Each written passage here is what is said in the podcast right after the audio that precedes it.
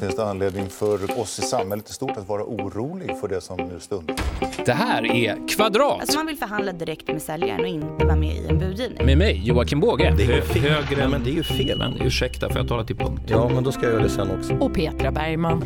En podd från EFN, Ekonomikanalen.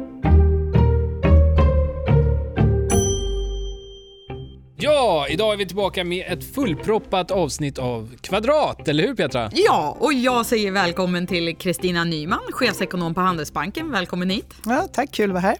Och välkommen Keivan Hursman som är grundare av Botello. Välkommen. Tack så jättemycket. Som också är en del av Serendipity, eller hur? Mycket riktigt. Det är en av våra fastighetsinvesteringar som vi fokuserar på. Just det. Mm, välkomna!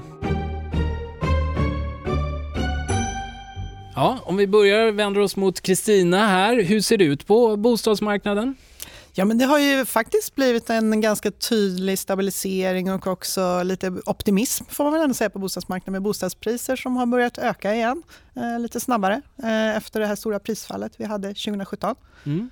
Och I veckan så kom det nya eh, siffror från Valueguard, det så kallade HOX-index. Eh, hur såg det ut?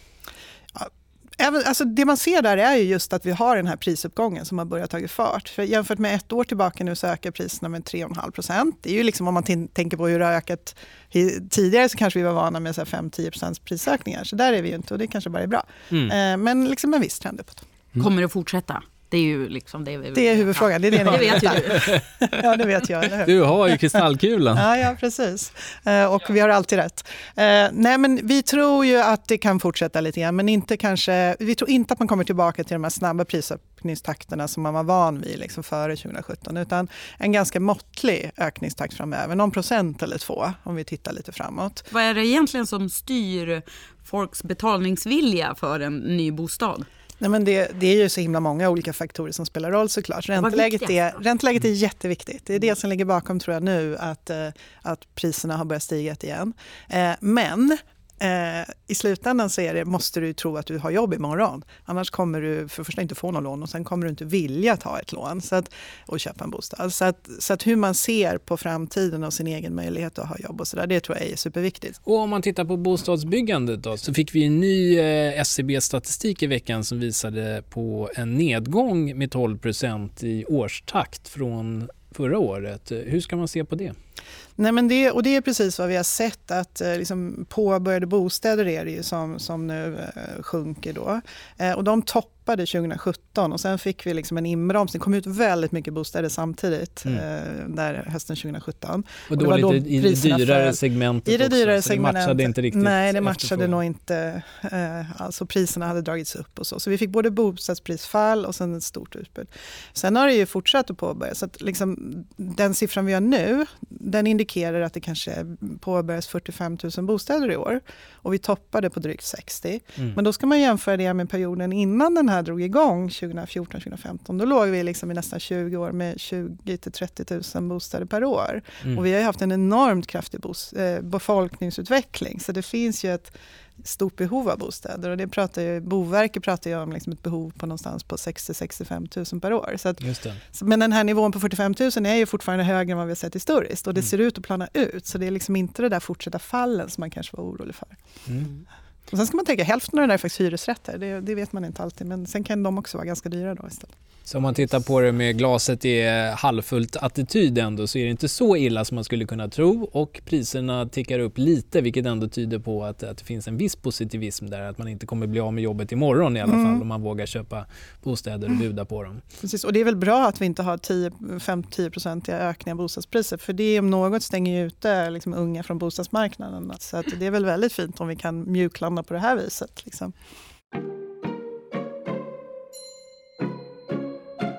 Handelsbanken presenterade en stor fastighetsrapport i veckan. Vill du eh, dra några av huvuddragen i den? Mm.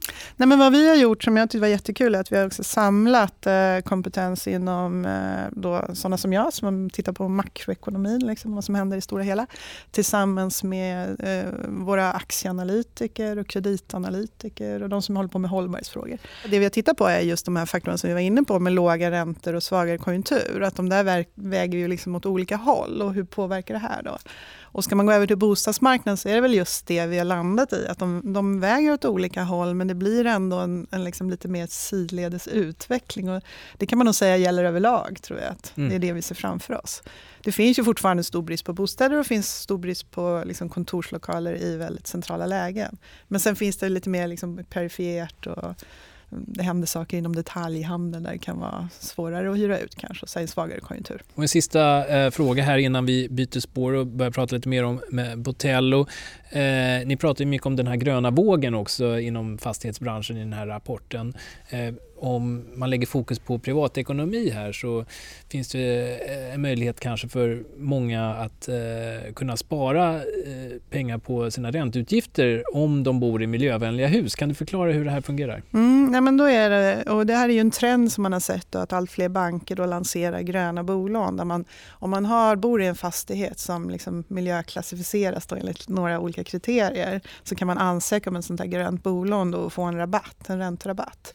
Eh, och det, är, liksom, om man tittar i det stora perspektivet, som kanske inte alla, så är det så att bostad och fastighetsbranschen, eller eh, hela den här, den står ju liksom för 20 procent av alla globala utsläpp av växthusgaser. Så det här är ju verkligen ett, ett område där, där klimatfrågor och hållbarhetsfrågor är jätteviktiga. Men flyger lite under radarn får man väl säga. Ja, men jag tycker nästan det. Gör inte det? Och vad gäller för bostadsägare, så dels är det ränterabatten, men vad innebär det att ha ett, liksom ett ett, ett hållbart hus. Men det har ju också att göra med att man har dragit ner på energibehovet, att du liksom har en, en isolering som gör att eh, du... du så, så även i det perspektivet... Energisnåla vitvaror, allt ja, sånt här som gör att man kan spara pengar i sin, sin privatekonomi Precis, på det sättet så också. inte bara räntan utan även på det viset. Ja, så mm. Mm. Mm. vara grön och eh, spara pengar, det är vinnande koncept. Mm. Mm. Ett nytt eh, koncept eh, som har lanserats är ju Botello som du är grundare för. Mm. Vad är det här och det, kan du berätta vad, vad ni gör? Botello är ett eh, resultat av eh, bostadsbristen som vi pratar om ehm, och även den här gröna vågen att man vill utnyttja mark på ett bättre sätt eh, som idag inte utnyttjas fullt ut. Och lika så eh, konjunkturen som vi också var inne på, att man nu har en eh, viss osäkerhet kring de fasta intäkterna och, och att man kan skapa en, en ytterligare trygghet för villägaren. Så ni hjälper till här? på? Vi hjälper till. Och det vi, vi pratar om är ju attefallshus. Det är attefallshus, Så Ni bygger riktigt. och hyr ut attefallshus som ni placerar på folks privata villatomter, är det så? Precis. Och valet av attefallshus kommer från att vi då inte behöver söka bygglov. Eh, och att det finns en viss skalbarhet i det, att vi kan accelerera med hjälp av bygganmälningar. Knappt 10 000 finns i Sverige fördelat på 2,5 miljoner tomter. Mm. Precis. Det är ju inte någon, kanske inte den utvecklingen som de hade hoppats ändå när de skapade de här attefallshusen. Men genom er modell då så, så skulle det här kunna accelereras genom att villaägaren då tjäna pengar på att hyra ut det här. Mm. Eh, kan du förklara lite hur affärsmodellen ser ut? Eh, modellen funkar som så att eh, vi arrenderar mark från villägaren mm. eh, och betalar en fast intäkt till villägaren årligen. Hur mycket då? Eh, det varierar, eh, men upp till 90 000 kronor per år. Eh, och det förutsätter villkor som en initial delbetalning, eh, att man är som villägare okej okay för korttidsuthyrning. Eh, men det pendlar. Eh, man behöver inte vara okej okay med varken korttidsuthyrning eller initial delbetalning heller. Så om jag, jag är fastighetsägare, jag har ett hus i i någon ort här och så mm. vill jag eh, tänka att eh, attefallshus det vore en bra sätt att tjäna en slant. Då mm. kontaktar man er och mm. så hjälper ni till med alla pappas jobb och se till att hitta en hyresgäst och Gräver avlopp och... Jajamän. Jag var också så Alltihop. nyfiken på Ja. avloppet. Alltihop. allt fixar ni Ja, då. precis. Och Och, då- eh, vi fixar inte bara utan vi tar också ansvar för det. Eh, så det skulle jag säga är en väsentlig skillnad. Eh, så att vi gör installationen, men blir det något tokigheter med installationen så är det också vi som tar ansvar för installationen. Och likaså med all annan utrustning med huset eh, och allt runt omkring. Och då o- om jag är, har åtagit mig att hyra ut ett attefallshus på min tomt till Mm. någon då. Så gillar jag inte den här personen. Det är en störig rackare med Ja. party i stora attefallan. nämner vad, gör, vad gör man då? då? Typiska skräckexempel. eh, missköter man sig så blir det en varning och missköter man sig igen så, så får helt enkelt hyresgästen flytta därifrån. Och om jag då har åtagit mig och ni har fixat ett hus där på min gård. Hur länge måste jag ha en hyresgäst då? För jag gissar att jag kan inte bara ha en hyresgäst en månad och så kickar jag ut dem. då, Mm. Eller? Ehm, vi skriver våra arrendeavtal som längst, absolut längst på 25 år. Eh, och så länge vi arrenderar marken så hyr vi också ut attefallshuset. Ehm, sen har villägaren alltid möjlighet att eh, lösa ut oss genom att liksom, avbryta arrendetiden eh, för ett pris som motsvarar marknadspris för eh, attefallshuset minus den årliga avskrivningen som skrivs på 25 år. Eh, och i samband med att man då köper ut oss så, så ja, kan man fritt välja om man vill hyra ut det och till vem man vill hyra ut det och så vidare. Så det svarar lite på min fråga då om vad som händer om man vill sälja sitt hus under den här tiden. Mm. Alltså inte attefallshuset utan själva villan där tomten med attefallshuset står. Mm. Eh, och då eh, följer vi med eh, till nästa villägare eh, som en del av helheten eh, med befintliga villkor och den nya villägaren har rätt i att antingen låta oss eh, fortsätta hyra ut och betala arrendeintäkten till den nya villägaren eller så köper de ut oss helt enkelt. Mm. Kristina, vad tycker du om det här? Ja, Jag tycker det låter jättespännande. Ja, vad. Ja, jag var så himla nyfiken på det här med avloppet. Mm. Ja. Ja, men det finns ju många praktiska frågor kring det här. Men Mm. jag tänkte också om man tittar på eh, den andra sidan av myntet så att säga för den som hyr det här. Mm. Hur mycket ungefär kommer det kosta att hyra ett attefallshus och Eh, vilka städer kommer ni finnas i och så vidare? Mm. Eh, vi kommer eh, finnas i eh, Stockholms län initialt eh, för att sen också finnas i Västra Götalands län, eh, Gotland och några väl utvalda studentstäder. Ehm, och eh, vi har kategoriserat in områdena utifrån A, B och C-lägen. Eh, och beroende på läge får vi eh, olika intäkter och betalar olika arrendeavgifter. Men eh, för att exemplifiera det så tror vi ungefär i ett A-läge att vi kan hyra ut för 10 000 kronor per månad. Och hur långt har ni kommit då? Officiellt så kommer vi lansera de första husen i samband med lagändringen som sker den första mars förväntas den gå igenom. Och Just är den 2020. Nya, 2020. Och det är den nya lagen om att man nu kan få bygga attefallshus om 30 kvadratmeter istället för 25 kvadratmeter. Lite större än tidigare, just det. Mm. Eh, väsentligt större i procent Mm. för vår del. Så det blir en mycket större eh, nytta för hyresgästen, eh, så som vi upplever det.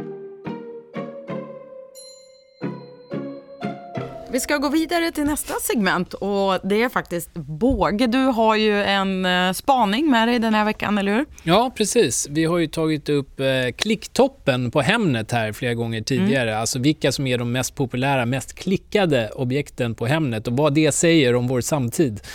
Och eh, förra veckan så var det faktiskt en gård i Helsingborgs kommun för under en miljon som fick 18 000, nästan 19 000 klick och var den mest populära bostaden till salu i Sverige då den veckan. Min spaning är ju att jag tror att eh, allt fler nu ändå tänker på att eh, det skulle vara ganska trevligt att ha liksom en, en eg, ett eget sommarställe. Den gamla torpdrömmen är på väg tillbaka igen. Ja, Ja. Mm. jag tänker att det, här med som, det har ju nästan sådär att det är så svårt att köpa sommarhus. I, ja, min, mina föräldrars generation gjorde alla det, men nu är det liksom så dyrt. och det är Ja. ganska svårt med amorteringskrav och att köpa ett andra boende. Och så där, så att jag har kanske tänkt att det inte är på ökande då. Men det är spännande om det Ja. kanske är det.